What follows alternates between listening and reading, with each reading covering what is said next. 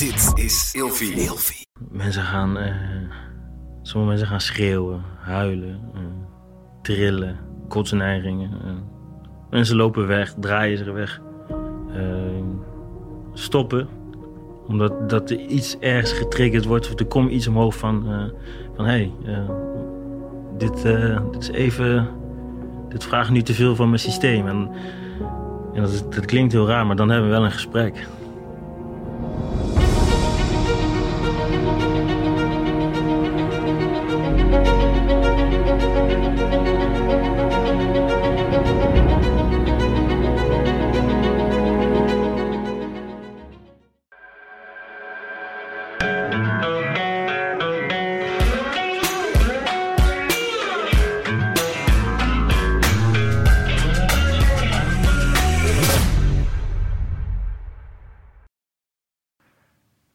Welkom bij een nieuwe aflevering van Scherpschutters. Vandaag heb ik te gast Ferrero La Cruz. Yes, Top dat je er bent, man. dankjewel voor de uitnodiging. Heel eh, leuk. We gaan vandaag een gesprek hebben. Ik heb je uitgenodigd omdat ik het heel belangrijk vind om te laten zien wat voor werk jij doet. En daar gaan we zo meteen natuurlijk alles over hebben. Jij bent een coach bij een zorginstelling. Zeg Yes. dat goed? Klopt, de zorginstelling eh, voor mensen met verstandelijke beperking. Maar je geeft niet alleen maar, eh, niet alleen maar aan mensen met een. Nee. Wat, is jouw doelgroep een beetje? En mensen van de UWV, WMO, gemeente, eigenlijk iedereen die eh, ondersteuning nodig heeft in de vorm van sporten.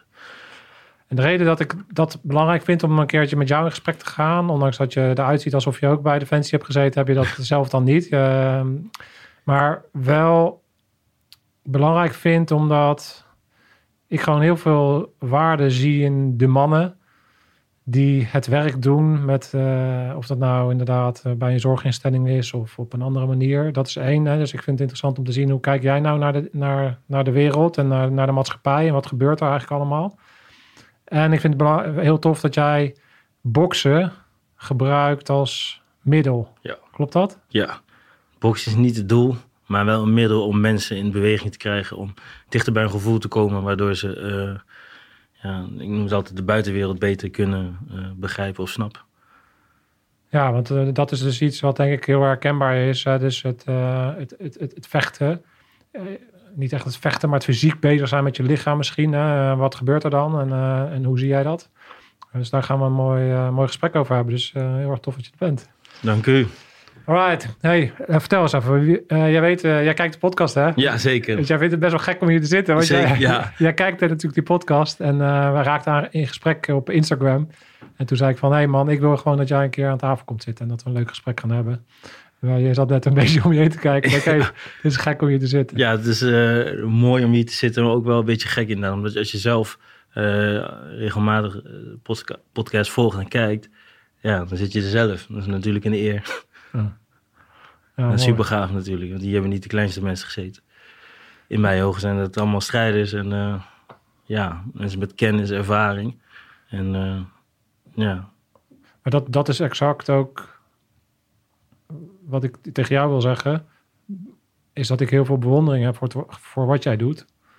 Het is niet dat ik jou aan het werk heb gezien, maar ik heb natuurlijk een beetje gehoord wat je doet. En ik eh, zie dat ook bij een vriend van mij die dat, dat soortgelijk werk doet.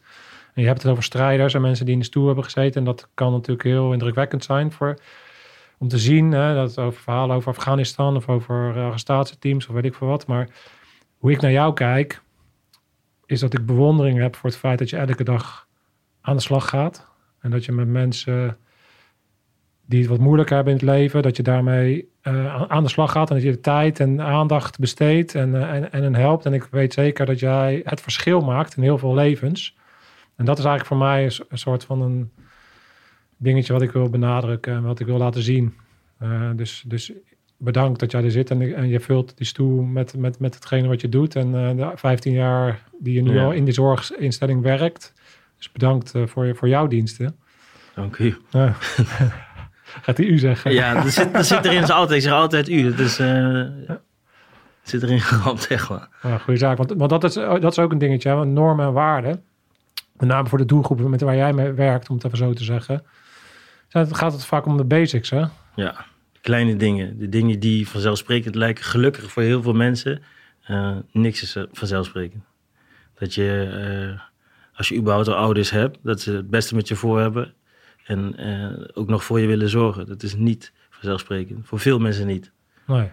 Dat wordt weer, denk ik, enorm onderschat.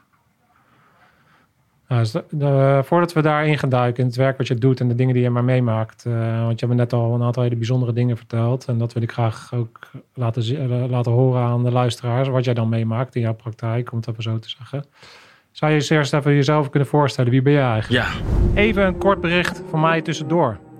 Wil jij ook leren presteren onder druk? De afgelopen jaren heb ik gewerkt aan de ultieme gids naar presteren onder druk. Samen met Erik Heijn hebben wij 50 jaar ervaring, zowel praktisch als theoretisch, in wat er voor nodig is om prestaties te leveren. Ook als de druk hoog is. Wil jij meer weten over deze mastery module? Ga dan snel naar www.scherpschutters.online en daar vind je alle informatie. Ik hoop jullie snel te zien. Nu weer snel terug naar de podcast. mijn naam is Frederik Kroes. Ik ben 36 jaar. Ik kom uit Arnhem. Eh, vriendin, kind. Eh, ja, werk al 15 jaar in de zorg. Eh, hou van sporten, krachttraining. Zelf wedstrijden gebokst. Gebokst en gekickbokst. En eh, vroeger ook de ambitie om defensie in te gaan. Dat is anders gelopen. En toen kwam mijn vader met het idee van... hé, waarom ga je niet in de zorg? Sociaal, mensen in beweging krijgen zetten, groeien, ontwikkeling. En nu zit ik hier. En zo zijn we 15 jaar later. En heb ik eh, altijd eh, bezig gehouden met dagbesteding, arbeidsmatige dagbesteding. En dat kon ik niet meer de, mijn eigen kwijt en bereiken wat ik wilde bereiken met de mensen die eh, bij ons kwamen. En toen eh, kreeg ik de kans van mijn manager van, nou, wat, vroeg hij me, wat wil je dan doen? Hoe zie jij het voor je? Ik zei, nou, sport. Hij zei, "Oh, sport is ja mijn eigen sport boksen. En zo zijn we heel laagdrempelig begonnen. Van eh, één iemand één keer in de week. In keldertjes, eh, buiten in de regen, onder afdakjes, in woonkamers, in, in, in schuurtjes. En nu eh, hebben we een eigen ruimte waar we gemiddeld 30, 35 mensen in de week zien. Eén op één. Wat, wat betekent dat? Mensen zien, wat gebeurt er dan? Zien is kijken en luisteren. En niet alleen door te praten, maar ook door te observeren. En eh, wat zegt iemand nou eigenlijk? En hoe gedraagt iemand zich nou? Wat, wat zeg je, maar wat straalt je lichaam uit? En eh, eh, vooral dat, terug naar de basis. Dat klinkt heel, heel simpel, maar vaak is het best simpel. Simpeler dan we denken. En niet los van alle eh, trajectplannen en, en doelen en vinkjes, maar wie ben jij? Wat wil jij, wat kan jij? En hoe zou het nou kunnen komen dat de dingen vaak gaan zoals ze gaan? Los van het feit dat het goed of fout is.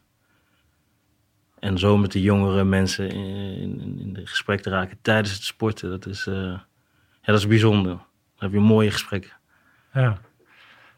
ja, mooi. Ik wil daar zo meteen alles over weten. Maar eh, nog even de vraag van wie ben jij eigenlijk? Hoe, hoe is jouw jeugd geweest? Hoe- Wat, wat, wat neem jij mee? En wat voor soort setting ben jij opgegroeid? En wat heb jij meegemaakt in je jeugd? In mijn jeugd, ik, eh, mijn vader kwam van Curaçao. En wat één ding wat me bijgebleven is, hij zei altijd van... eh, als iets niet lukt, dan dat is niet erg. Als je maar je best gedaan hebt. Maar je gaat niet dingen eh, verkloten of weggooien... omdat je de grote jongen uit wil hangen of stoer wil doen op straat. Nee, we zijn zeg maar in Nederland nu en daar kan je eh, eh, binnen de mogelijkheden...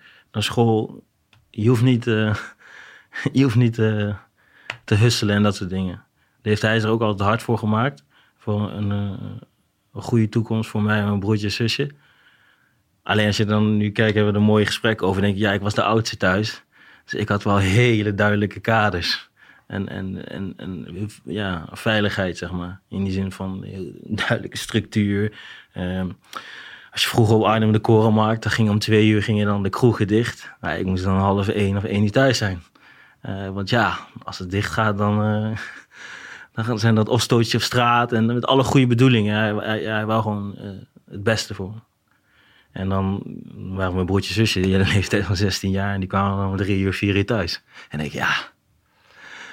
Ja, de oudste, de oudste die plaveit eh, Ja. de weg. Ja. En, en dat was vroeger wel een struggle in die zin. Vooral, vooral eh, in jezelf. Dat je denkt, ja, maar nu ben je zelf vader. En nu begrijp je eh, beter. Dat je denkt van, ja, dit heeft wel een reden gehad. Ik zeg niet dat ik van de straat kom, maar ik ging altijd wel om met de jongeren die, die van de straat kwamen. En ik heb altijd heel bewust moeten, moeten, moeten bewandelen van oké, wat is dit, wat is dat? En, en, en oeh, dit is wel spannend, nou, dit is leuk, maar ja, ik had wel die duidelijkheid en discipline van thuis. Is, is dat, hoe belangrijk is dat? Ik denk dat dat ook de basis is. En dan kan je natuurlijk twijfelen of dat streng of, of wat losser moet, maar dat, dat is ieder aan zich. Maar ik denk dat de basis, de, ba basis heet niet voor niks de basis. En dat is, dat is waar je op terug kan vallen. En als je uh, vroeger wel eens hoorde van bijvoorbeeld kinderen uit de klas of zo, ja, ik voel me niet zo lekker. Dus dan, oh, nou, dan blijf je thuis. Maar bij, ons was het, ja, eh, als je juffrouw of meester belt, dan, uh, dan ben je ziek genoeg om naar huis te komen. Ga maar naar school. En dat klinkt, dat is heel klein, maar als je dat normaal wordt, dat als je een kuchje of, of een buikpijn of eventjes niet lekker in je systeem zit, dat je dan je ouders je afmelden. Ja, denk ik dat dat wel uh, voor later, uh, als dat normaal wordt. Dat is een afglijdende schaal eigenlijk. Ja, dat je niet, niet die discipline meekrijgt of de, de normen van hé, hey, kom op. En waar was jouw moeder? Uh, die was er ook. Die was er ook die, en die, die, die, die was eigenlijk hetzelfde.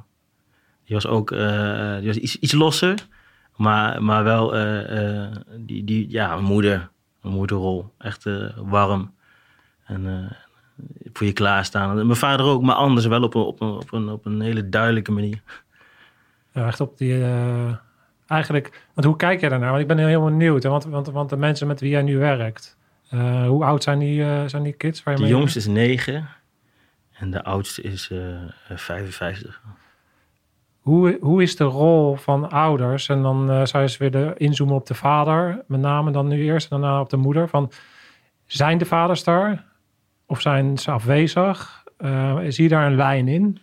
De mensen die bij mij komen, die hebben niet altijd de vaderfiguur gehad. En dat kan in de vorm zijn van uh, opgroeien in, uh, in een pleeggezin. Dan is het een pleegvader, maar het is niet je vader. Het is niet je, je eigen bloedlijn. Fijn dat die mensen er zijn. De zorginstelling net zo. Zijn mensen die opgroeien op groepen. Uh, dus die hebben geen stabiele factor. wisseling van, van collega's of van, van plaatsing naar groep. En, en ja, die vader is er vaak niet.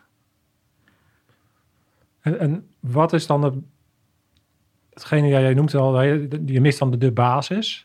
Maar wat betekent dat concreet dan? Wat, wat, wat zie jij als je, nou, je kijkt naar met de mensen met wie jij werkt, wat gebeurt er dan als iemand een vader, wat, wat, wat, wat mis je dan en wat, wat gebeurt er dan bij iemand? Ze, ze missen, uh, nog, nogmaals, ik kan alleen spreken over de mensen die bij mij komen. Ja, want ja. er zijn heel veel mensen die ook goede zonder ouders of zonder vader of zonder moeder of beide, maakt me niet zoveel uit en die komen gewoon goed terecht. Uh, maar wat ik bij mij zie is dat ze op zoek zijn naar, naar een, een, een, een rol een rolmodel. En dan niet uh, een superster of, een, uh, of iemand die, die buiten, de, buiten de kringen ligt, maar iemand die, waar ze echt wat aan hebben. En dan lijkt het soms alsof je, terwijl ik nooit een vaderrol kan overnemen, maar ze zoeken wel iemand om te sparren. En dan niet zozeer letterlijk met de bokshandschoenen, maar wel van... hé, hey, uh, waar bespreek ik mijn, uh, mijn schaamte mee? Het is niet gewend om met de mannen dat te bespreken. Zeker niet als je op een groep woont. Niet altijd. Er zullen vast begeleiders zijn die dat wel kunnen. Maar het is niet zo stoer als je in een groep woont... dat je dan praat uh, met je begeleider. als je überhaupt al een connectie hebt met een begeleider... hoe, hoe, hoe, hoe ga je daarmee om? En dan merk je dat, dat, dat vaak... Ehm, dat ze komen, ja een, soort, ja, een soort vaderrol toch wel aandacht, luisteren, niet oordelen, maar vooral een soort veilige haven. En, en of je nou wil of niet, je bent wel een voorbeeld. En dat voelt soms best wel gek. In die zin van, ja, ik, ben, ik doe mijn werk en mijn werk is mijn passie. Maar als je dan een jongen van 12 uh, uh, in gesprek gaat, dat, je, dat hij erachter komt, uh, ja, het is helemaal niet normaal dat mijn vader me eh, drie keer in de week een pak rammel geeft, tegen de muur en de kast aangooit en daarna met mama eh, hetzelfde doet die, die, die, die, die, die, die, die komt bij jou een soort van, soort, toch soort van veiligheid halen. Maar dat is best wel bizar eigenlijk, want ik ben zijn vader niet. Maar hij komt wel met, met, met deze dingen. Dus die, dat is wat. En ook al ben je 12 of je 16, het doet wat met de jongens. En met jezelf ook. En ik, ja, dat is jouw leven. En sturing is, is denk ik heel belangrijk. En dat doen, doen is een hot item nu, denk ik, vooral in deze maatschappij. Mannen, vrouwen, hè, je- gelijkwaardigheid, ja, daar zit gewoon verschil in.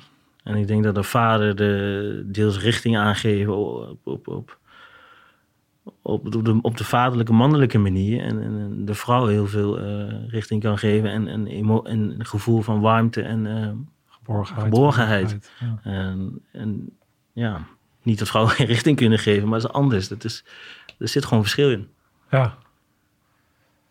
Ja, jij hebt natuurlijk ook een bepaald voorkomen.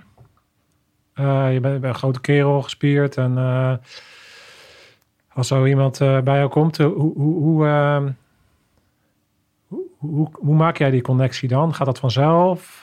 Hoe, want ik kan me voorstellen dat zij niet direct met alle verhalen komen en zich direct geborgen bij je voelen. Of, of geborgen is niet het goede woord, maar direct veilig bij jou voelen. Hoe, Ja. hoe, hoe, hoe pak jij zoiets aan? Eh, je ik zeg altijd, je warme kennismaking en koude kennismaking. En de warme kennismaking is dat jongeren of wie dan ook zegt ja, ik denk dat ik wat eh, dat ik met sport iets wil doen met mijn problematiek of wat dan ook. Dat noem ik deels warm. Maar er komen ook wel eens eh, mensen die zeggen dat de begeleider of gemeente of ja nee, je, moet naar daarheen, want daar, daar kan je wat mee. En er zijn soms ook mensen die niks met sport hebben. Maar eh, om terug te komen op dat contact is, is, heb ik geen. Ja, dat klinkt misschien heel simpel, maar dat is aanvoelen, lezen. eh, kijken wanneer je iemand ruimte geeft, maar wanneer je, wanneer je zelf het woord overneemt of het woord pakt. Dat, is, dat kan je niet leren uit de boeken. Dat is denk ik ook het moeilijke om met, met werken met mensen. Als je bouwvakker bent of cement moet op een bepaalde manier samengesteld. En dan heb je verschillende soorten cement, warm in, in de tropen of misschien wel eh, in de kou. Ik weet niet precies, maar dat daar zijn hele duidelijke eh, structuren of regels voor. Maar met mensen werken, ja. Eh, jij doet met Kees dit en ik doe met Kees dat. Allebei op een andere manier, maar we komen bij hetzelfde eindpunt. En dat is het denk ik echt aanvoelen en, en, en, en eh, gecombineerde kennis met praktijkervaring.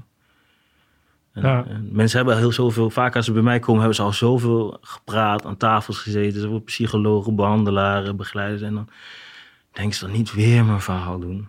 Nee, we gaan eerst natuurlijk een korte intro, maar we gaan vooral eerst aan de slag. Even knokken. We gaan eerst even de handschoenen aandoen en de weerstand opzoeken. En dan gaat de spanning eraf. En dan na vier, vijf uur, dan eh, niet achter elkaar, maar na vier, vijf weken, dan, dan is er contact. En mensen hebben natuurlijk, die jongeren we- weten heel goed wat, wat ze aan iemand hebben. Ze hebben natuurlijk een manier eh, gevonden om te overleven. Dus ze weten heel goed van, ja, dat deed je vroeger bij je ouders ook. Bij pa wist je wanneer je dat moest vragen. En bij je moeder wist je precies, oh, als ik het nu vraag. Ja, dat hebben ze voor, voor, voor begeleiding ook. Dus vooral, ik zou altijd zeggen wat je wil zeggen, maar zeg niet altijd wat je weet en voelt en denkt. En het is altijd aan te kijken van, wat bedoel je nou? Ik zeg, ja, zeg wat je denkt dat de meerwaarde heeft voor jouw proces. Als het geen meerwaarde hebt en alleen maar ellende oplevert en je gaat alles weer oprakelen, dan heeft het... Je moet het niet vertellen omdat je de druk voelt van, ik zit nou bij een eh, coach, dus ik moet mijn hele verleden openleggen. Nee, dat gebeurt wanneer de tijd daar is. En sommige dingen zul je wel met mij bespreken en sommige dingen bespreek je met, met iemand anders. Nou, Als ik, als ik dit zo hoor, wat bij mij heel erg naar boven komt, is dat is een proces wat inderdaad tijd, aandacht, focus nodig heeft. En dat is natuurlijk hetgene wat in de zorginstelling eh, steeds minder wordt. Ja. Hoe kijk jij daarnaar, naar die dyn- dynamiek van, ja, dit is wat er nodig is. Maar, ik hoor, eh, maar het rapporten schrijven en eh, de vinkjes halen en de... Ja, de, de bureaucratie. Ja, Ja, dat is, dat is heel vervelend om te zien. Want ik ga ervan uit dat iedereen die in de zorg werkt, of dat nou woonbegeleiding is, ambulant of weet ik veel wat, dat doet met de beste intenties. Om voor de mensen klaar te staan. Maar je merkt gewoon dat tijd, er is, er is weinig tijd. En, en dat gaat ten koste van de zorg. Je kan honderd vinkjes hebben aan het eind van het jaar. Groene vinkjes van plannen ingeleverd, eh, administratie. Maar dat zegt niks over de kwaliteit van zorg. Op de, op de, dat zegt dat je je computerwerk goed hebt gedaan. Maar niet van hoe, ver, hoe gaat het met Kees of met eh Annemiek. En dat geeft frictie op de werkvloer. Vooral woongroepen hoor ik dat mensen, ja, eh, we zouden graag meer aandacht willen besteden. Maar we staan met één iemand op, acht of negen jongens of meiden. En dan moet één nog wel, eh, één heeft extra verzorging en de andere wat minder. Maar dat kan niet. Zo, juist de fysieke contact is, is in mij ook heel belangrijk. Ja. eh, Hoe kijk jij naar het verschil? Hoe, hoe- hoeveel mannen, of mannen zijn jonge, jongetjes en hoeveel eh, meisjes heb jij? eh, hoe is de verhouding? Poeh, dat is een goede. Ik denk dat ik eh, ja, 40, 50 procent mannen heb. Jongens. Ja, ik vraag dat omdat ik denk van, eh, het is natuurlijk ook iets wat met name zal resoneren misschien, dat we fysieker bezig gaan. Eh, werkt het, heb, zie jij een verschil tussen hoe het aanslaat in eerste instantie bij een jongen of bij een meisje, of is dat gelijk?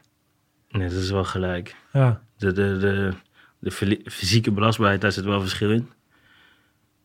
Maar de, de, de, de uitwerking van het werk, oh, sporten inzetten als middel, dat is eigenlijk, eh, of je nou een man of vrouw bent, je gaat naar de kern. Dat is, dat is, de, dat is het belangrijkste van de, van, de, van de sessie, om naar je gevoel en te luisteren naar je lichaam. En eh, eh, ik denk dat veel mensen erachter komen, oh, ik had niet eh, gedacht dat ik ooit eh, zo hard kon slaan. Of je nou man of vrouw bent, maar dat doet iets met je.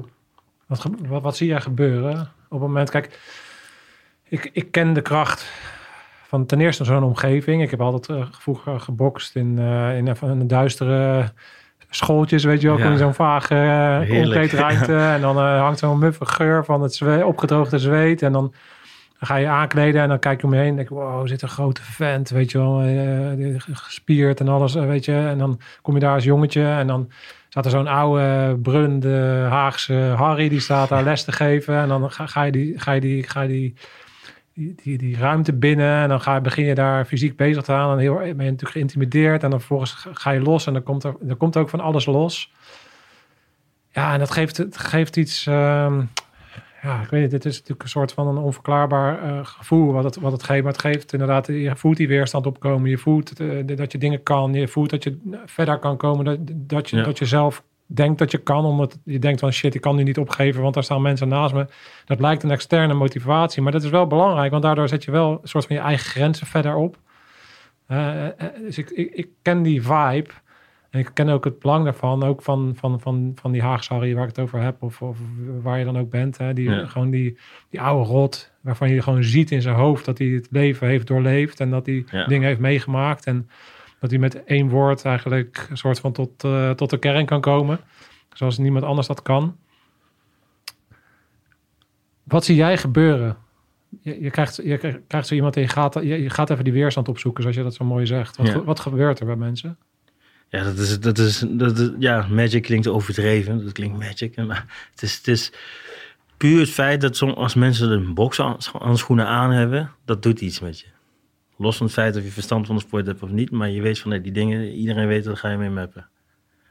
En, en, en eh, als mensen dan het gevoel krijgen, en eh, soms hoef je niet uit te leggen, want mensen voelen heel goed wanneer een stoot raak is op de pads. Want ik spar niet met mensen, dat doe ik bewust niet. We gaan niet sparren. We kunnen wel dat regelen na een sportschool, maar mijn sessies wordt er niet gespart. Maar padswerk is dat, je, eh, ja, dat hoef je niet uit te leggen aan iemand of een stoot. Eh, in het begin wel, mensen hebben geen ervaring, maar na een tijdje voelen ze van, hé, hey, als ik zo sta en als ik mijn heup indraai en ze voelen die impact, nou, dat geeft, dat geeft vertrouwen. Los van het feit dat dat dingen kan oproepen, geeft in eerste zin eh, basis vertrouwen en, en, en van, hé, hey, dat klinkt misschien ook heel overdreven, maar ik, ik, ik raak iets. Die, die, En dat is dan maar een pad. Dat hebben niet eens over. eh, als je verschillende combinaties doet. Maar het geeft zoveel. eh, een twinkeling in de ogen. Rechtop staan. eh, jongeren die straatangst hebben en in de winkel met een hoodie naar beneden gingen. door de winkel heen slenteren om snel hun boodschappen te doen en door niemand gezien worden, gaan rechtop staan. Eh, en dan dat je rechtop staat, heb je in één keer, zonder dat je het door hebt, heb je oogcontact. En iemand groet je. Dan schrikken ze. Dat is de verhalen die ik terugkrijg. En ik zie het ook gebeuren, hoe mensen binnenkomen. Ze komen binnen in de school.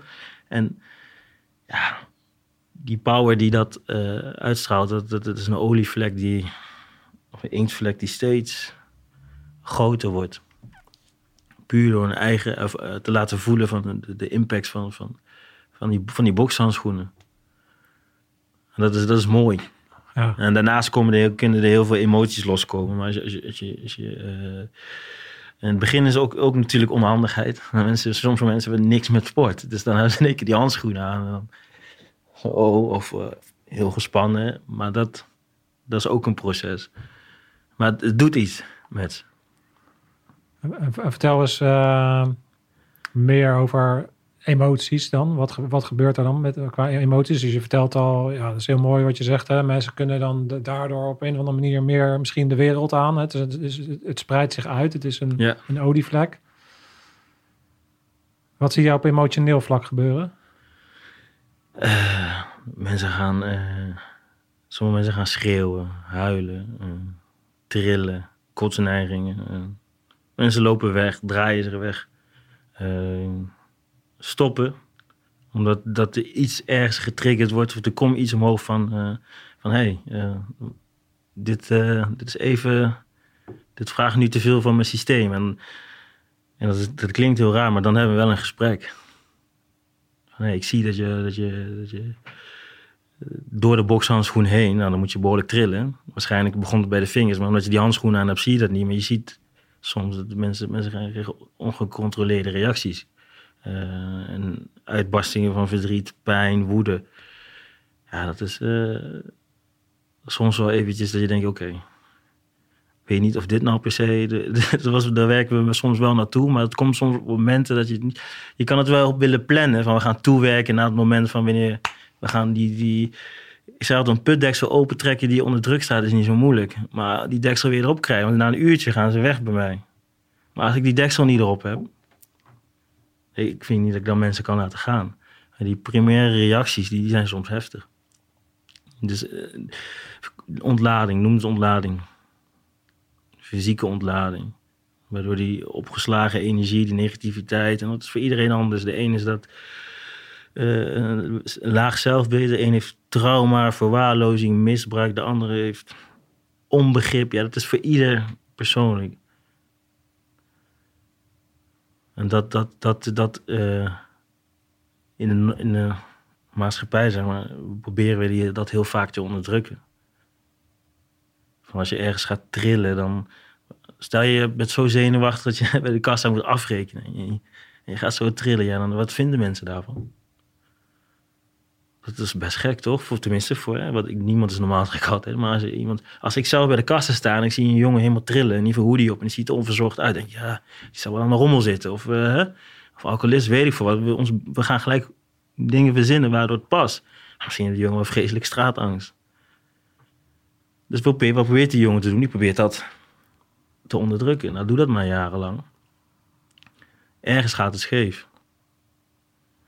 Ja, dus die uitlaatklep, die, die bied jij dan en dan komen die dingen los. Ja, Maakt dat nog steeds indruk op je en, en wat doet het met jou? Ja nee. Dus Er zijn altijd verhalen die... die nou, eigenlijk iedereen maakt indruk. Want het is best bijzonder. Je hebt hele bijzondere gesprekken met mensen. Het is heel, heel eh, persoonlijk. Dus dat maakt altijd wel indruk. Maar de ene, ene verhaal is, is extremer dan de andere. En de een of andere manier... eh, eh, ja, wen je daaraan, denk ik. Nou, dat weet ik wel zeker. Want ik, ik lig nooit gelukkig nooit wakker van... Oh, ik denk wel eens van, oh, hoe zou het met Kees zijn nu? Maar het is niet dat ik daar, eh, hoe zeg je dat? Negatief mee bezig ben na mijn werk. Nee. Maar je, je begrijpt hoe de wereld is. De wereld is heel mooi, maar net zo verrot. En, eh, en de wereld is, ja, niet negatief klinken, maar het is tegenstrijdig. De wereld is tegenstrijdig, ja, dat, dat is gewoon de werkelijkheid. Het kan heel mooi zijn, maar het is net zo pijnlijk. Ja. Ja, dat het. eh, dat kan ik me goed eh, voorstellen. Dat je dan. eh, dat, ja, jij wordt natuurlijk ook continu mee geconfronteerd. Ben je anders naar de wereld gaan kijken? Doordat jij. Heb je, heb je het idee dat jij daardoor een scheef beeld krijgt? Of juist niet? Snap je wat ik bedoel? Doordat jij natuurlijk dagelijks eigenlijk Ja. werkt met mensen die misschien meer dingen opsluiten en, en minder kansen hebben in de wereld en, en, het lastiger hebben en eh, daar, dat je daardoor ook een vertekend beeld krijgt? Of hoe, kijk je, hoe ga je daarmee om? Ja, je krijgt wel ik werk alleen in die zin van ik, ik werk één op één. En, en ik zit eh, ergens in Arnhem-Zuid in een tien hoog in, een, in een, ik zeg het mooiste kantoor van Arnhem. Dus ik heb niet uh, altijd een collega of als iemand weggaat, dat je daarna, uh, soms bel je wel eens iemand, maar heel vaak ben je, ben je alleen. Dus je zit heel vaak wel, uh, nou misschien een bubbel. Dat bedoel ik niet negatief, maar je zit vaak wel in je eigen, ja, je eigen wereldje, zeg maar, in je eigen gym. En ehm, als je dan naar buiten gaat, de, de, de open, de boze, gevaarlijke buitenwereld, dan, dan, dan ja, denk je wel eens van, als je ergens op een verjaardag zit of in een gesprek of bij de kassa staat, hoor je wel eens mensen klagen. Of, ja, of iedereen mag klagen, maar dan denk je wel eens in jezelf, ja, is, is, is dit waar jij wakker van ligt? Of is dit wat, waar je, waar je eventjes, uh, even heel lomp gezegd, uh, ondersteboven van raakt? En dat is niet altijd makkelijk, want soms geef je dan een opmerking en dan denk je, oh, zo bedoelde ik dat helemaal. Want iedereen heeft het recht om zich te voelen zo, van hoe hij zich voelt. Alleen ja, als je natuurlijk best wel uh, extreme verhalen hoort. En misschien is het niet extreem, is gewoon dagelijks leven voor heel veel mensen. Dan, dan reageer je dat wat terughoudender op. Terwijl de mensen die, dat, die die verhalen niet kennen, die... Hoe zeg je dat? Oh, is, gebeurt dat echt?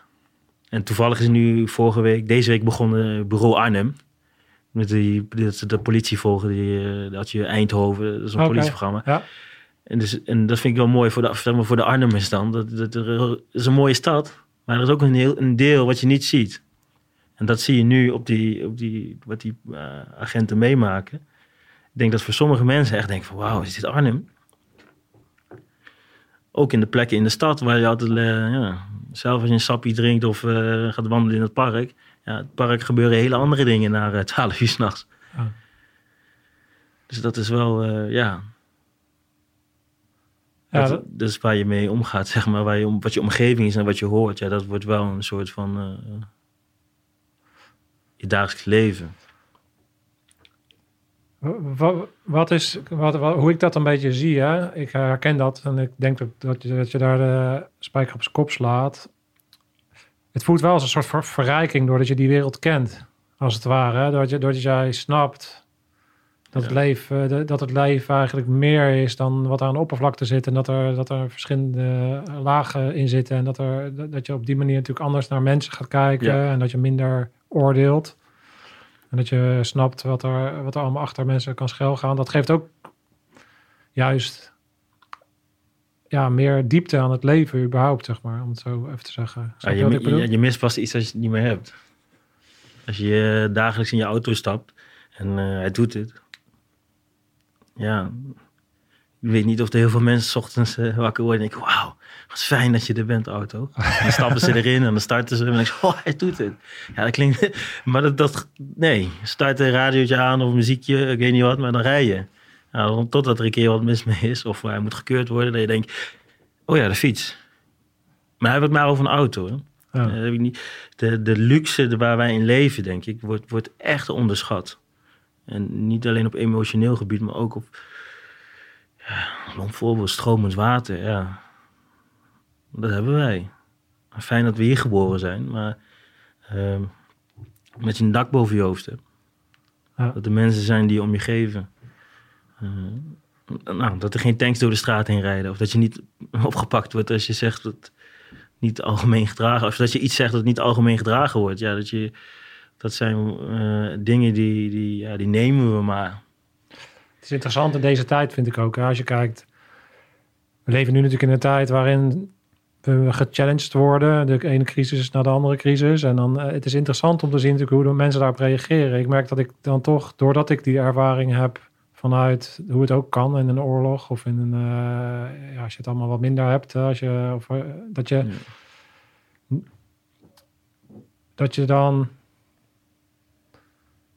als het ware ja, jij weet het net als ik, je noemt het al een paar keer, de basis is eigenlijk heel simpel. Je moet gewoon goed eh, voor elkaar zorgen. En je, en, en je komt er, als je, als je elkaar een beetje ondersteunt, kom je er wel. En ehm, you're always in the shit, only the depth varies. Hè? Dus het maakt niet uit hoe diep je in de shit zit. Er, er, er komt wel weer een manier. Dus als Ja. je op die manier naar een crisis kijkt, dan heb je zoiets van, oké, we zien wel even wat er gaat gebeuren. Maar ik vind het ook interessant om te zien wat er met mensen gebeurt. Ik zag dat met corona, dat ineens dan de supermarkten leeg zijn, omdat iedereen voor zichzelf gaat. Zodra het dan eh, spannend wordt iets, dan wordt al dat wc-papier opgekocht. En denk je, wat de fuck gebeurt er nou eigenlijk met mensen? Mensen zijn gewoon, wat dat betreft... eh, Ja, zijn, dat klinkt heel raar, maar gewoon kuddedieren. Ja, ons, Ja. Dat, zo zijn we ingesteld. Wat, wat, wat de, vaak wat de massa doet, wordt vroeg of laat vaak de norm. Los van het feit of het slim of handig of waar of niet waar is. Maar dat is vaak zoals het gaat. Ja, dat, dat maar ook. Maar, maar denk jij dat jij, doordat de dingen die jij meemaakt, dat je daar daardoor dus minder daar gevoelig voor bent? Eh, en dat heeft te maken met zelfredzaamheid, maar ook snappen eh, Ja. hoe het leven soort van in elkaar zit. En Ja. daardoor meer kan vertrouwen ook op, op, op wie je bent en, en het connectie maken met mensen. En daardoor Ja. altijd wel het gevoel hebt dat je in elke situatie wel kan overleven. Ja, duizend procent. Ja, dat zeker. En dat, dat, dat komt zelf omdat ik zelf ook de weerstand met sport opzoek. Dat is niet alleen fysiek, maar het is ook mentaal. Je, je soms zeggen, ja, je gaat, eh, als je drie keer in de week je gewicht staat te tillen, ja, doe het maar eens. De een vindt dat dom, maar denk je, kijk eens van de andere kant. En niet zozeer omdat het om, om mezelf, maar er zijn genoeg andere sporters die, die, die drie keer in de week gewichten op dezelfde manier optillen. En verschil- verschillende zwaartes, maar daar heb je discipline voor nodig. Daar heb je zingeving voor nodig. Daar heb je discipline voor nodig. En ehm, dat heb je nodig. Het, het, het draait niet om het gewicht op tillen, maar het draait om hetgene wat erachter zit. En Ja. het feit dat je die weerstand opzoekt en dat je dan eh, eh, dat je begrijpt dat dat. Ja, ik zit ook soms al 30 eh, minuten naar mijn sportschoenen te staren, s ochtends. En denk ik ook, ik moet weer van mezelf. Maar doordat je dan toch doet, die weerstand dus de- doorbreekt, dat doet iets met je natuurlijk. Dat heeft te maken met hoe, hoe, hoe sta je dan in het Ja. leven. Dat- Uh, en niet, dat- dat is- fysiek en mentaal. ja, Maar inderdaad, ik denk door, door, door je werk, als jij...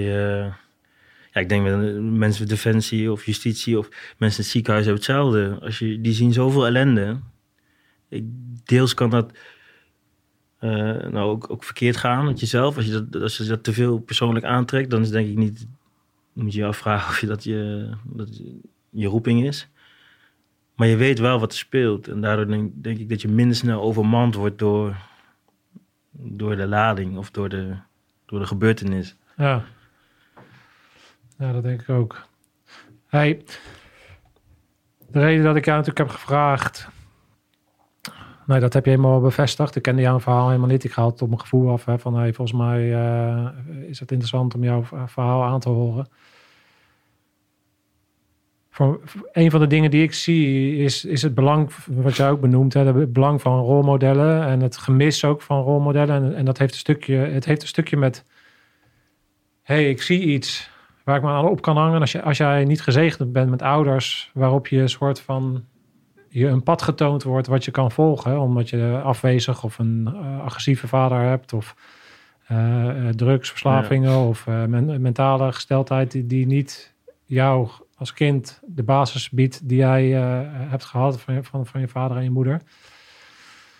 Ja, dan, dan ga je dus op zoek naar rolmodellen. Aan de ene kant om te zien, oh, het kan ook zo. Aan de andere kant om een stukje van die veiligheid te voelen. Om dus inderdaad ook te kunnen bouncen eigenlijk met dingen. Met dingen waarover je schaamt of waar, waar, Struggles, waarover je ja. mee struggles. En eh, die weerstand eh, opzoeken. Vanuit jouw rol, vanuit, eh, die je nu vervult. Hoe kijk jij daarnaar, naar rolmodellen in Nederland? En in, in de zin van in onze maatschappij, wat het belang daarvan is en hoe we daarmee om zouden moeten gaan? Tegenwoordig als je met social media of als je bekende voetballer bent of vechtsporter, krijg je automatisch de rol als rolmodel voorbeeldfunctie. Eh, deels, deels snap ik dat, maar deels denk ik ook, ja, als je goed bent in de sport dan, en je komt in de picture, dan, ja, dan trekken mensen zich aan je op. Maar die, voor, die voorbeeldfunctie, rolmodel, wordt ook heel snel gegeven. Maar als je dan kijkt naar de zorg, dan denk ik, ja, wij nemen sommige taken over van die andere mensen niet kunnen doen. Of zelf niet, of ouders hebben dat niet, niet eh, gedaan. Dus dan is het belangrijk dat je, dat je, eh, uitstraalt van wat je zegt en wat je doet. Dus als mensen bij mij komen eh, in de ruimte, is dat meer dan een oud kantoorpand dan, eh, en een computer in de hoek en een blauwe mat en een skippiebal. En twee oude bokshandschoenen. Nee, ik heb een sfeer gecreëerd met foto's van mijn broertje, van mezelf, van andere sporters. Zodat je niet om van, oh kijk eens wat, ik, wat wij allemaal bereikt hebben. Maar meer dat je die sfeer creëert om, om, om mensen in beweging te krijgen. En ik denk dat je dat als persoon, als rolmodel, hulpverlener, dat ook moet uitstralen. Ja, dat is inter- inter- interessant. Dus, eh, vertel daar eens meer over. Waarom is dat belangrijk? Om, omdat eh, je bent niet... eh, tuurlijk ben je een, een, is, iedereen is een verschijning, maar daar zit ook nog een, een bepaalde houding achter. Een bepaalde energie, een, een uitstraling. En eh, zeker mensen die een zorgachtergrond hebben met heel veel hulpverlening... die, hebben, die voelen heel goed aan van... ja, maar wat jij zegt, dat, eh, dat voel ik niet, man. En, en, en dat vind ik ook met, met een, met een voorbeeldfunctie te maken, of een rol van ja, je, eh, eh, soms heb ik het niet eens door, maar die jongens van 12 of van 16 jaar, die denken, oh, een begeleider, een baard, een tattoos, en dan ziet het ook nog sportief uit, nog gebokst. Wauw. Dat, dat heb ik soms ook nog niet hoor, maar dat hoor je dan soms terug in evaluaties. En dan denk je, ja, ik doe, ben- doe gewoon mijn werk.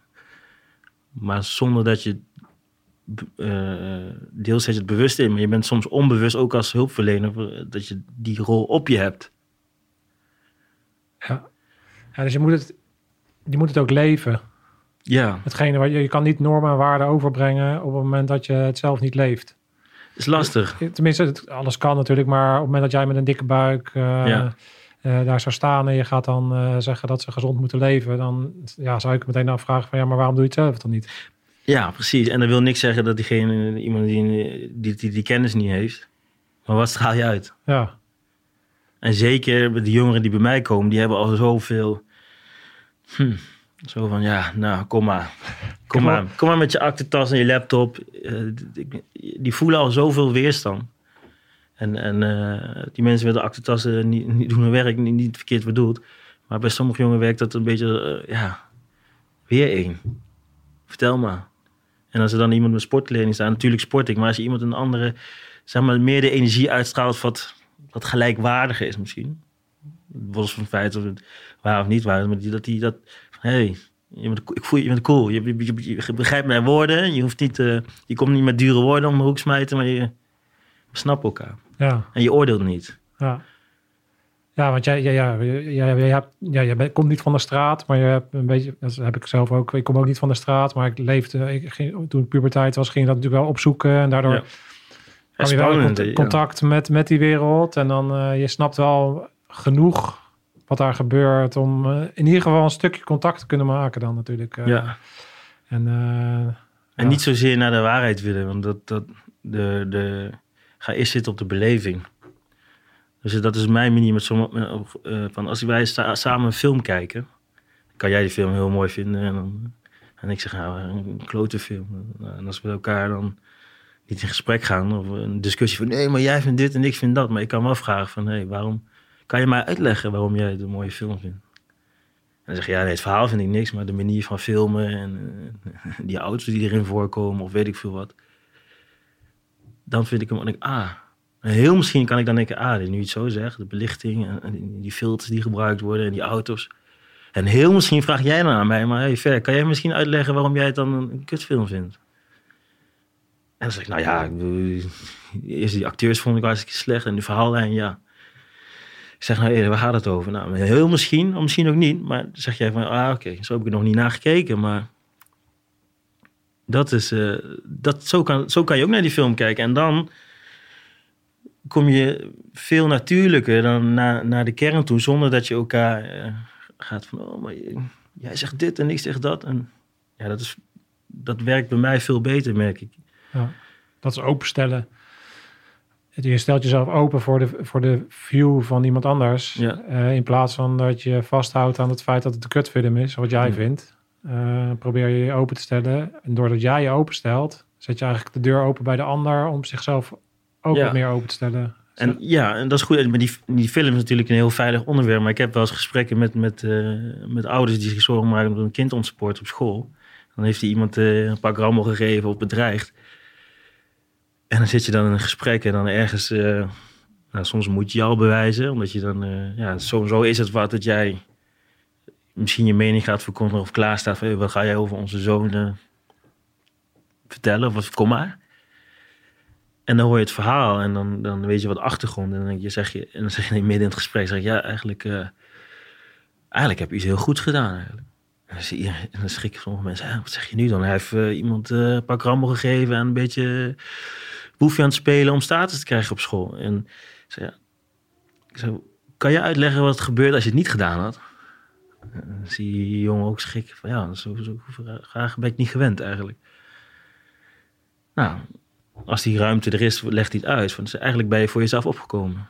Los van het feit of het een goede manier is of, of niet. Hè, daar kan iedereen wat van vinden. Maar als hij het niet zou doen, zou hij zelf gegeten worden.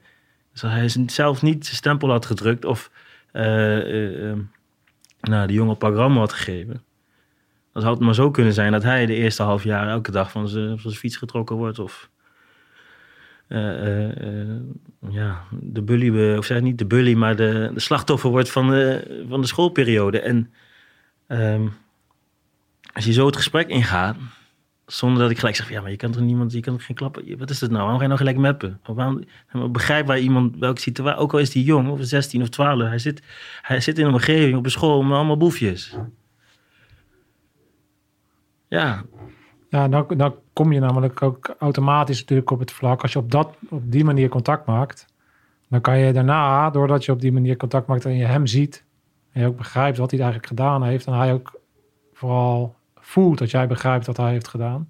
ja, Vervolgens kan je dan natuurlijk het gesprek gaan voeren van, maar was er ook een andere manier om die situatie aan Ja. te lopen? maar dat is na, dat, dat komt daarna. En daar zijn de meningen over dit dat soft. Nee, het soft is als je er geen aandacht aan besteedt. Maar het is ge- ge- gedrag is niet altijd eh, eh, gewenst. Maar soms is het wel nodig. Dat klinkt misschien heel raar, maar ja, Dat is, als je het hebt over geweld. dan hebben we het nu even over geweld. Dus, eh, Oké, jij kent dat. Ik heb ook moeten vechten vroeger. Eh, op school. Ik heb ook wel eens eh, klappen moeten geven. En klappen moeten krijgen ook. Ik ben ook wel eens in elkaar geslagen op straat. En, eh, ehm, dus ik, je, we kennen die wereld. Als, als, jongen in een grote stad, je krijgt daarmee te maken. Of je, nou, of je nou wil of niet. Eh, de een misschien wat meer dan de ander. En de een zoekt er misschien wat meer op dan de ander. Maar kijk, geweld alleen maar veroordelen heeft niet zoveel zin. Het is heel belangrijk. En dat probeer ik ook altijd in deze podcast wel een soort van helder te krijgen. Geweld is onderdeel van de mens. Dus in plaats van het alleen maar te veroordelen, moeten we gaan kijken, oké, maar wat gebeurt er nou eigenlijk op het moment dat er geweld wordt toegepast? Ja. Of het nou een uh, arrestatieteam is of een uh, politieagent of dat het iemand is op straat. Geweld hoort bij de mens. En hoe kijken we daarnaar? En, en, en, en ja, dan kan je, dan, als je, op het moment dat je daarnaar kan kijken, kan je tenminste een normaal gesprek over voeren. Op het moment dat we het alleen maar veroordelen, dan, dan kunnen we er dus nooit naar kijken. Net pleisters plakken. Ja. Dan zeg je, oei, dat mag niet, dat is fout. En dan drukken we iemand de hoek in. En dan is ja, je bent agressief. Maar die agressie komt toch ergens vandaan?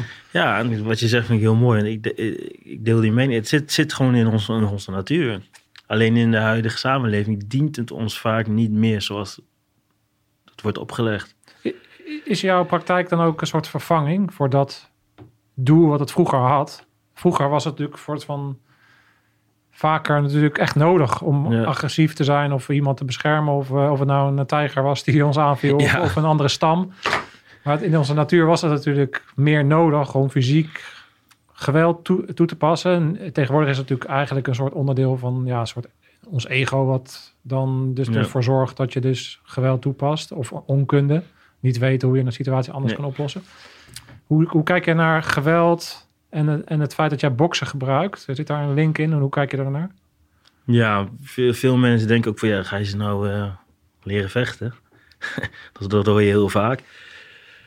Ja, er zullen er een paar doorheen glippen die, die dat uh, op straat zullen gebruiken. Maar mijn ervaring is dat dat niet alleen in mijn werk, maar ook, ook zelf als vechtsporter.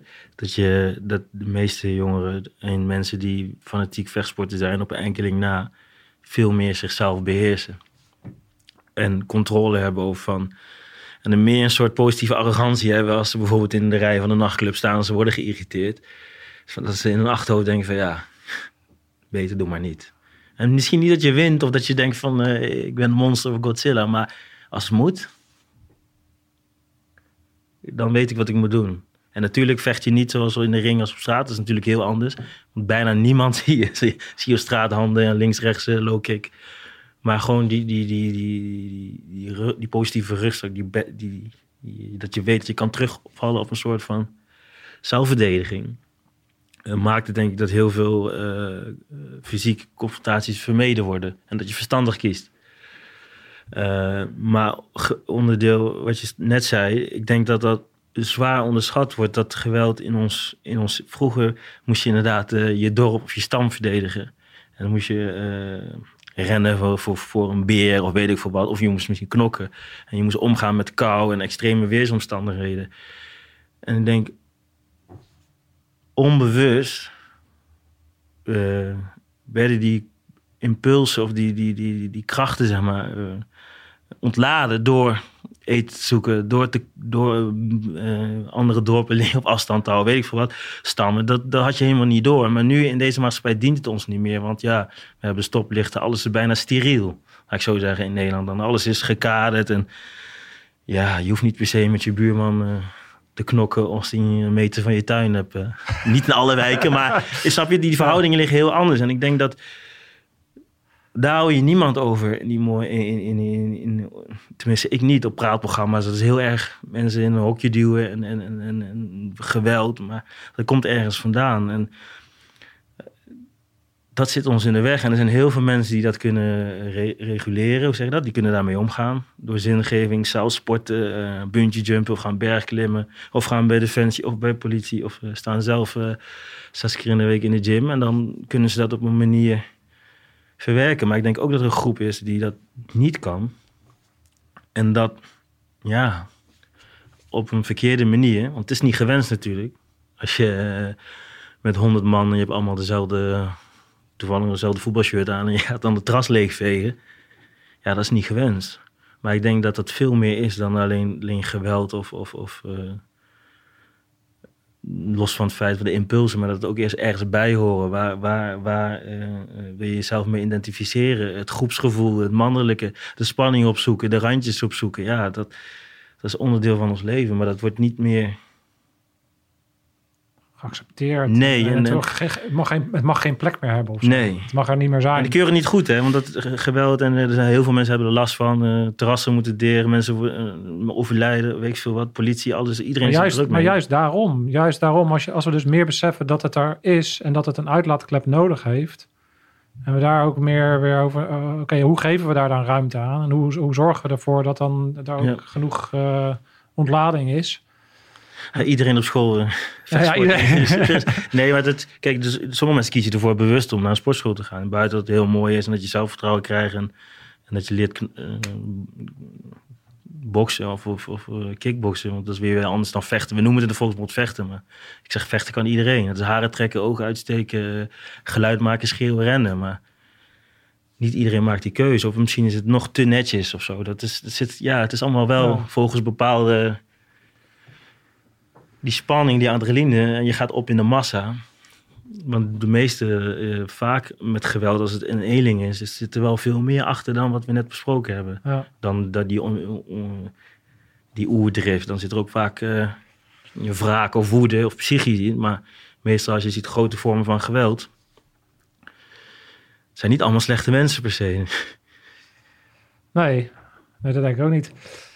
Ja, wat- wat we hier beschrijven eigenlijk, hoe ik dat ook, ik vind het ook heel interessant dat, die monniken, die wijden eigenlijk hun hele leven aan, ja, aan een vechtkunst, aan het, aan het, kunnen, het kunnen vechten, maar ze, het is altijd de is nooit de intentie om het daadwerkelijk in te zetten. Het is echt een, het, is, eh, het feit wat we hier eigenlijk benoemen is het, het is een last resort. En het, ge- gek genoeg als je naar de hele wereld kijkt, het is onrustig in de wereld. Maar het Ja. feit dat er twee machten zijn die allebei kernwapens hebben, wat het uiterste middel is, wat iedereen kapot kan maken, hoe erg het ook is, dat houdt wel een bepaalde, dat houdt, houdt iets in balans. Ja, En ik denk dat het op menselijk vlak ook bijna zo is. Op het moment dat jij weet dat je dit kernwapen kan inzetten, zou je hem ook, waarom zou je dat überhaupt? Je snapt, je snapt wat, wat de dynamiek is die erachter zit. En dat geeft ook een soort rust waarop je ook zoveel levels ertussen bouwt voordat je überhaupt tot een kernwapen komt, waardoor je eh, kan de- deescaleren, waardoor je kan, je kan dingen opvangen. Je kan, eh, weet je, je, je snapt dat als iemand in de, in de rij inderdaad eh, op een bepaalde manier reageert, dat je, dat je dingen van je af kan glijden. Je snapt dat je soms ook de keuze hebt om weg te rennen, omdat dat Ja. gewoon de beste optie is. Mensen denken altijd dat het op straat, als er dan iets gebeurt, dat je dan altijd confrontatie aan aan moet gaan. Ik denk dat ik in 9 van de 10 gevallen kan je het beste gewoon kijken, oké, nu is het gewoon bam en ik ren, ren weg. Dat is, dat is vaak gewoon de beste optie. Dan kan je wel leren vechten, maar misschien kan je beter daar harder leren Ja. rennen. En ben je dan laf? Ik weet het niet. Het gaat erom dat je, dat je begrijpt dat als het niet anders kan en je in de hoek staat, dat je dan zal vechten tot de dood. ja, En dat je ook weet hoe dat moet. En dat je die, die kunst beheerst. En alleen al door die levenswijze aan te nemen, geeft ook een soort richting in het leven. Want daardoor kies je er wel voor om 's ochtends eh, of op welk moment van de dag dan ook ja. eh, fysiek bezig te gaan en jezelf te, te trainen. En, eh, ja, dat alleen al geeft. ja. Het geeft rust. Ja, geeft rust, zelfvertrouwen. En, en ook dat, ehm op een beeld te scheppen, die jongeren, die, niet iedereen, maar veel jongeren die bij mij komen, zitten nacht en dag ritmes omgedraaid. Eh, drinken zes, zeven, eh, ik wil bijna zeggen liter, maar blikjes Red Bull per dag. belowen, pizza, worstenbroodjes. Dat is niet gek dat jouw brein of dat je levensenergie afneemt als je dat zeven tot acht jaar doet. Dat, dat, het is niet gezond. Ehm, dan komen ze bij mij, dan gaan we sporten. En ik ben geen voedingsdeskundige, en, maar ik doe wel. Ik heb zelf op mijn voeding ook moeten letten met sport. En, en, dus ik, en ik vind het interessant, ik lees erover. Maar do- doordat ze dus bij mij komen, gaan ze dus zelf die stap maken van: hé, hey, misschien moet ik niet zes Red Bull drinken, maar misschien eerst vier. En sommigen gaan dan niet meer eh, kant-en-klaar maaltijd kopen, maar gaan dan, gaan het geeft structuur op heel veel gebieden. Hey, misschien moet ik vanavond niet meer tot zes uur gamen, want ja, ik moet negen uur bij jou zijn. Of tien uur, maakt niet uit. Of, of één uur. Dan denk je, ja, één uur is niet moeilijk. Nou ja, als je pas om vier uur, vijf uur gaat slapen. Dus dat mensen gaan letten op een voeding, op op een, op een, eh, hun planning met slapen. eh, hoeveel drinken ze op een dag. eh, dat is zo mooi als als ze dus letterlijk voelen dat het ook zin heeft. Want het is niks zo vervelend als iemand tegen je praat en je kan het niet vertalen naar het dagelijks leven. Ja. Want ja, dan, dan ben je weer zo een, iemand met een aktentasselomp gezegd die heeft verteld van ja. Was ze zelf gaan ervaren van hé. Hey, ik drink, eh, ik merk dat mijn suiker of dat ik niet meer zo opgefokt ben of dat ik langer dit kan of langer dat kan. Ik heb meer focus. Ja, dat, en als ze dat dan ervaren in de, in, in, in, in sport, gaat dat, ja. Ja, we maken het ook allemaal zo moeilijk soms. Hè. De basics zijn de basics. Iedereen snapt wel dat als je een Red Bull in je hoofd drukt, dat dat niet Ja. gezond voor je is. Eh, als je dat elke dag eh, zes keer doet. Eh, dus de basics zijn de basics. En, Ja. en het is, maar de basics die voor ons soort van logisch zijn, omdat wij wel die structuur hebben meegekregen. Eh, Lief, eh, lieve ouders die, die een, bepaald, ja, een bepaalde structuur hebben gegeven en die ons hebben geholpen. En. Waardoor we die basis hebben. En die dingen, voor die basics zijn voor ons logisch. Maar als je die achtergrond niet hebt, het eerste wat je eigenlijk doet op het moment dat, dat, dat natuurlijk vaak eh, kids bij jou komen, is oké, wat wat, wat zijn jouw basics dan eigenlijk? Ja, En als jouw basics zijn blowen, eh, gamen en Red Bull. Red Bull drinken, ja. Ja, oké, maar wat als we nou eens even die basics een klein beetje gaan, gaan tweaken? Wat Ja. gebeurt er dan met je? Ja, en het gaat verder. Hè? En, en de, er zijn serieus... Er komen mensen bij mij die dan heel veel Red Bull drinken... of heel veel koffie drinken... en die hebben dan slaapproblemen. En dan krijgen ze slaapmedicaties voorgeschreven. Ja, bizar toch? Ja, dan moet ik... Ja, ik ga dan niet lachen... maar soms zit je dan wel eens als je uitval hebt... of in de auto. En dan denk je, ja... Ik ben geen dokter, ik ben geen arts, ik ben psychiater. Ik heb er niet voor geleerd voor dat soort dingen. Maar kan er niet eerst aan die dingen gedraaid worden... voordat je iemand voldouwt met slaapmedicatie? Komt er dan niet in je op als... wie dan ook, als je met iemand aan tafel zit van je hebt slaapproblemen... en, en, en, eh, en, nou, cafeïne doet heel veel met ons lichaam. Als je heel veel hebt, dan krijg je heel veel nare bijwerkingen van. En dan slapen is misschien de minste vervelende. Ja, ik kan niet slapen, maar dat is toch gek. Dat iemand dan zes, zes eh, Red Bull drinkt op een dag. En dan heb ik nu misschien, eh, of Monster Energie, de halve liters. En daarna slaapmedicatie naar binnen drukken. Dus het is niet vanzelfsprekend dat zulke dingen meegenomen worden. Gelukkig wel steeds meer, maar wat je zegt van die basis, als je met mensen in gesprek bent, van wat, zijn jouw, wat is jouw basis? En mijn basis is niet per se jouw basis. Nee. nee. Ja, mooi. En je gaat zo een beetje eh, richting, richting afronding. Wat ik mooi vind, ik vond het echt onwijs mooi om jouw visie te horen en de dingen, hoe jij naar het leven kijkt. Denk, ja, dat resoneert. En eh, het feit dat jij naar de podcast kijkt, betekent dat, is natuurlijk om je aansluiten op de dingen die je, die je ziet, ehm, die hier verteld worden aan tafel. En heeft ook een stukje met normen, waarden, rammen met je kadaver. Ja, dat is, dat is een gouden. dat is echt, uh, dat, dat, dat de en mijn, mijn, ik, heb die, ik hoor die wel eens. Ook voordat zeg maar, dat ik hem hiervan ja, ken. Ja, mijn hartje zegt het ook altijd. En, ja, gingen er zo'n zo'n Strong Viking run doen. En dan, uh, ik hou niet zo van, van, van, van hardlopen. Met boksen heb ik dat heel veel gedaan. Maar op een gegeven moment dacht ik, ja... Maar bij zo'n run, 18 kilometer, moet je ook rennen. En dan Maarten zei, ja, kom op, rammen met je kadaver. Je kan wel langzamer lopen, maar die 18 kilometer wordt niet minder. Hè? Het duurt alleen maar langer als je langzaam gaat lopen. Van dat soort dingen. En toen, ja, ram met je kadaver. Dat is echt, denk ik, uh, op een verantwoordelijke manier. Natuurlijk. Ja, je kan het aan allerlei gradaties zien. Ja, maar, het, maar de, de basis is, is gruwelijk, ja. Nou. Nee, ik vond het heel mooi om, je, om te horen. Ik vind het ook heel belangrijk dat mensen horen wat jij meemaakt. Omdat ik wil dat er mannen want ik denk dat, eh, ja, ik zeg mannen, omdat ik denk dat het, het kunnen ook vrouwen zijn met heel veel masculine energie. Maar ik denk dat het belangrijk is dat, dat, dat, dat, dat, die, dat die energie van, van, van, van dat verhaal een goede plek heeft in onze maatschappij. En ik denk dat de laatste tijd dat toch wel een soort van ondergesneeld wordt af en toe. En zelfs wel verward wordt met allerlei toxic masculinity en weet ik het allemaal niet. Gevoelig onderwerp. Je mag ja, geen man meer zijn. Nee, dus, dus ik denk dat is, dat is iets, ja, ik vind het belangrijk om te laten zien van ja, maar kijk, maar dit is wat er gebeurt. En dat is helemaal geen macho ding. Het is gewoon een stukje uitstraling. Het is een stukje de basics. Het is een stukje veiligheid. Het is een stukje mindset. Het is discipline. Het is uh, willen creëren. Het is, weet je, er zitten zoveel dingen onder, onder, het, onder de dingen die jij doet. Um, dus daarom vind ik het belangrijk dat mensen zien van ja, je kan een strijder zijn op zoveel verschillende manieren. En voor mij ben jij echt een strijder die elke dag staat op tien hoog ergens in Arnhem. Ja. Die het werk doet. Weet je, uit het zicht van, van heel veel mensen. Maar het is er wel en het is rete belangrijk. Dus nogmaals uh, bedankt.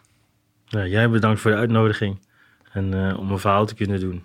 En dan nog een klein dingetje. Ja, ja, shoot. Dit is, dit is je moment, jongen. Dit is je 15 minuten fame. Wat, wat, grappig is over, over die... die uh, ik ben even kwijt hoe, hoe er kan komen als je bijvoorbeeld kijkt hoe mensen kijken naar de dingen. Als je in de supermarkt loopt met een voetbaltrainingspak zul je niemand een opmerking horen maken. Dus voetbal. Maar ik heb wel eens gehad toen, als ik dan een wedstrijd had en dan loop je vast in je, ja, dat is mijn, was mijn ritueel. Dan sta je ochtends op, leg je alles klaar, dan deed je je trainingspak aan en dan staat er een heel grote boxing Arnhem of weet ik veel, of uh, kickboxing Arnhem op. En dan, en dan hoor je dat wel eens, dan, dan ga je boodschappen doen, fruit halen voor de wedstrijd. Maar dan kijken mensen en ik anders naar je omdat er geen voetballogo op staat of een hockey en, en of wat voor sport dan ook. Maar ik, oh, dan heb je wel, oh, dan moet je even met zijn bokstrainingsvak uh, even door de winkel heen lopen. Maar dan, dan,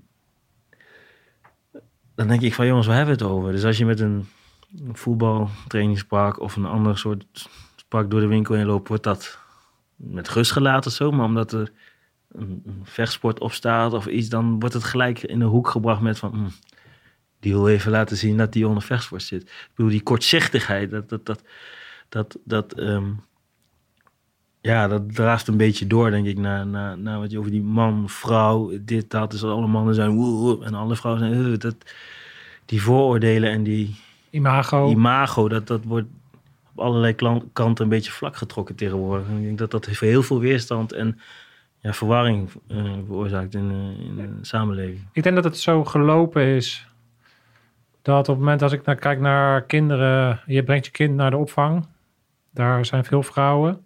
En gelukkig maar, want ze kunnen Ja. en heel veel liefdevolle vrouwen en, eh, die daar werken. Vervolgens gaan ze naar school. Daar zijn de meeste eh, mensen die voor de klas zijn, zijn vrouwen. Ook niks mis mee. Goede mensen die hun ding doen. Maar er is zo'n groot belang. Als ik naar mezelf kijk, naar mijn vorming in, in dat donkere sportschooltje, eh, waar alleen maar kerels eh, met zweet eh, elkaar, eh, met elkaar aan het meppen waren, heeft niks te maken met vechten. Het heeft ook niks te maken met, met geweld eigenlijk. Eh, ook wel, maar ook weer niet. Je snapt wat ik bedoel. Dat belang, het maatschappelijke belang eigenlijk van, van die uitlaatklep ehm, en van die, van die sfeer en de normen en waarden die je daar meekrijgt, mag niet onderschat worden. En ik denk dat het belangrijk is dat de volgende keer als mensen in de supermarkt staan en iemand in een bokspak eh, zien rondlopen dan, zoals je het omschrijft, dat ze beseffen van oké, levenswijze. ja, kijk eens even wat erachter kan zitten. Er kan een gast achter zitten die op tien oog eh, met, eh, met kinderen die het minder eh, getroffen hebben in deze maatschappij, dag in dag uit staat om hun een stukje begeleiding te geven. Dus Ja. Ja, dat was het, ja. Dus dat, dat, dat wou ik, ja, ik weet niet waarom, maar dat voelde ik van, ja, dat is gewoon een vooroordeel. ja. Dus. Thanks mate. Dank u wel. Zit erin, hè, u. Maakt niet uit, een stukje respect en dat geef je ook mee. Dus dat is helemaal goed, jongen. Top, thanks. Hoes. Oei. Hey Rammers, mooi gesprek. Ik hoop dat jullie het ook mooi vonden. En eh, ik heb er in ieder geval van genoten. Tot de volgende keer. Scherpschutters. Uit.